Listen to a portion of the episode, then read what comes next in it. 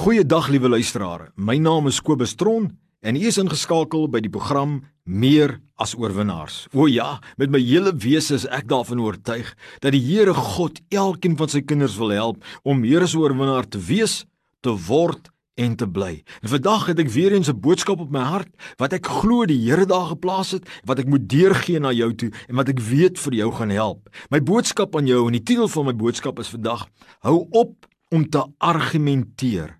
Luister mooi, ek herhaal. Ek glo die Here sê deur sy gees, hou op om te argumenteer. Hou op om so aanhoudend te argumenteer onder mekaar.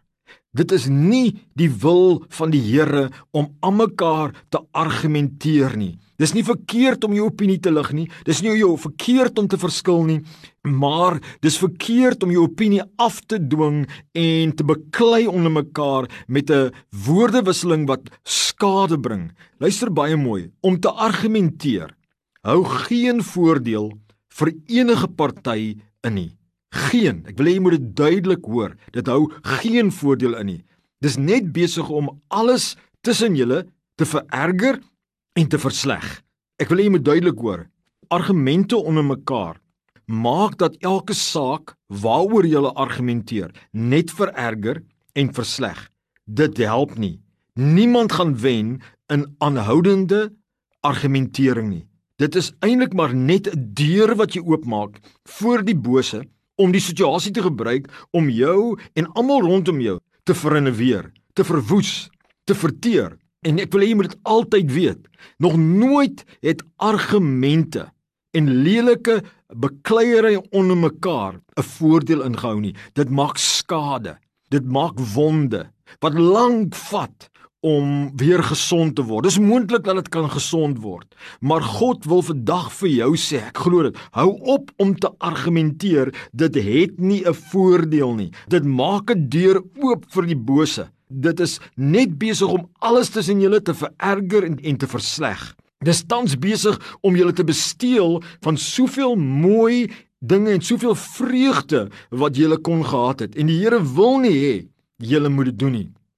Waarskynlik die Here se woord nie duidelik dat argumentering mense kan verteer en vernietig nie. Ek wil hê luister na hierdie woord. In Galasiërs 5 vers 15 sê die woord: "Maar as julle aanhou mekaar byt en opeet, pas op dat julle nie die een deur die ander verteer word nie." Sjoe, pas op as julle mekaar byt en opeet. Mense, die God se woord is altyd die antwoord en hier sê hy ons kan mekaar verteer. Met ander woorde, ons kan mekaar se dood veroorsaak. Ons kan mekaar se totale ongelukkigheid veroorsaak in die lewe. Die wonderlike lewe wat God ons geskenk het omdat ons 'n gewoonte het om te wil argumenteer en nie ons saak aan die Here te gee en toe te laat dat die Here werk en gryp nie. Nou wil ons manipuleer en forceer met ons emosie, met ons lelike stellings en dit werk nie. Dit verwyder net. Dit breek net die brug af. Dit maak net dit onmoontlik om te versoen. Sê die woord van die Here nie baie duidelik dat 'n dienskneg van die Here nie moet argumenteer nie. Luister gou vir my aandagtig na 2 Timoteus 2 vers 24 tot 26. Die Bybel sê 'n dienskneg van die Here moet nie twis nie, maar vriendelik wees teenoor almal en vir almal, ek wil hê julle moet baie mooi hoor, en bekwam wees om te onderrig en die een moet wees wat die kwaad kan verdra.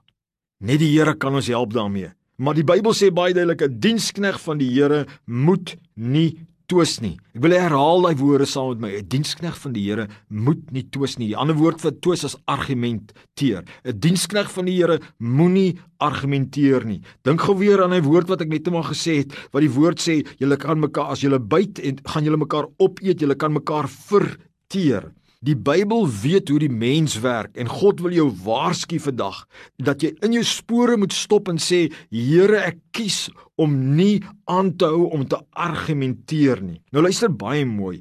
Dit wat ek vandag sê, dit beteken nie dat jy mag verskil van mening of 'n teenstrydige opinie het en dit lig nie. Inteendeel, God wil hê ons moet ons waarheid deel met iemand anderste in liefde, maar ook in die band van vryheid. Alles wat ons doen, moet geskied in die band van liefde en die band van vryheid. Met ander woorde, ons dwing nie, ons manipuleer nie, ons forceer nie. Nadat ons dan ons opinie gegee het, dan wil die Here hê ons moet dit by die Here neerlos. So as jy een keer jou stelling gemaak het en die ander persoon het duidelik gehoor wat jy sê en jy duidelik die motiewe gegee daarvoor, dan is dit nie nodig om te argumenteer nie, want dan dan het jy die saadjie geplant. Dan moet jy terug staan. Dan help dit nie forceer dit nie. Dan help dit nie jou aanhou aanhou aanhou nek daaroor nie. Dit bring nie die Here in nie. Dan sny jy die Here uit. Dan kan die Here nie sy oortuigingswerk doen nie. Maar die Here wil hê ons moet ophou argumenteer en ons moet 'n gesindheid hê wat sê ons wil vrede maak. Ons wil versoen.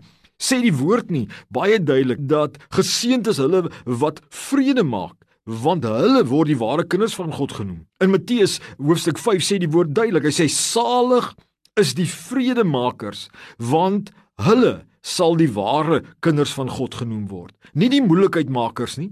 Nie die wat permanent argumenteer nie of die heeltyd nek oor 'n ding nie. Nee, die hulle is salig, hulle is geseënd, hulle is gelukkig as hulle vredemakers is. My vriend, ek was 'n persoon wat nogal van nature geargumenteer het. Nogal dinge wou afforceer het, maar ek moes baie baie hard leer op 'n baie vroeë tyd in my lewe dat dit nie die weg is nie. En die Here het my gered. Die Here het my verlos van soveel soveel kwaad omdat ek hierdie gewoonte van argumentering afgeleer het. Hy het my vrygemaak en uh, hy het my geleer hoe hy ingryp as ek kalm kan bly oor 'n saak praat, my opinie gee en dan terugtrek. Spreuke 17 vers 14 sê die volgende. Hy sê die begin van 'n onenigheid is soos water wat jy laat deurbreek. Daarom laat die twis voordat dit losbreek. Ek gaan dit weer herhaal. Die begin van onenigheid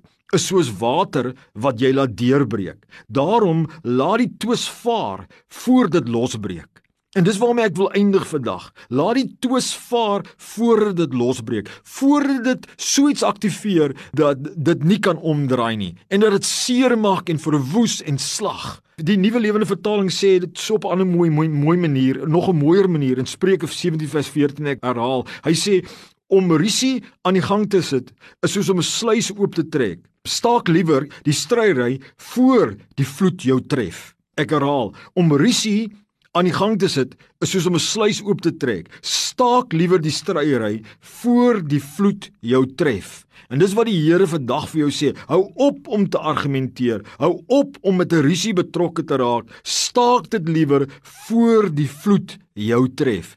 Dis wat ek glo die Here God aan jou vandag verkondig. Dis wat ek glo die Here vir jou wil sê vandag. Wees 'n vredemaker, nie 'n moeilikheidmaker. Hou op om te argumenteer. Dit dra geen voordeel nie. Dis net besig om sake te versleg. Gee jou opinie en dan bid vir daai persoon en staan terug en kyk hoe die Here inkom daarmee. Moenie kwaad met kwaad vergeld nie. Moenie 'n risie aangaan omdat hulle 'n risie aangaan nie. Bly kalm, moenie vet op die vuur gooi nie. Moenie olie op die vuur gooi nie. Gooi water op die vuur deur te sê ek weier om te argumenteer.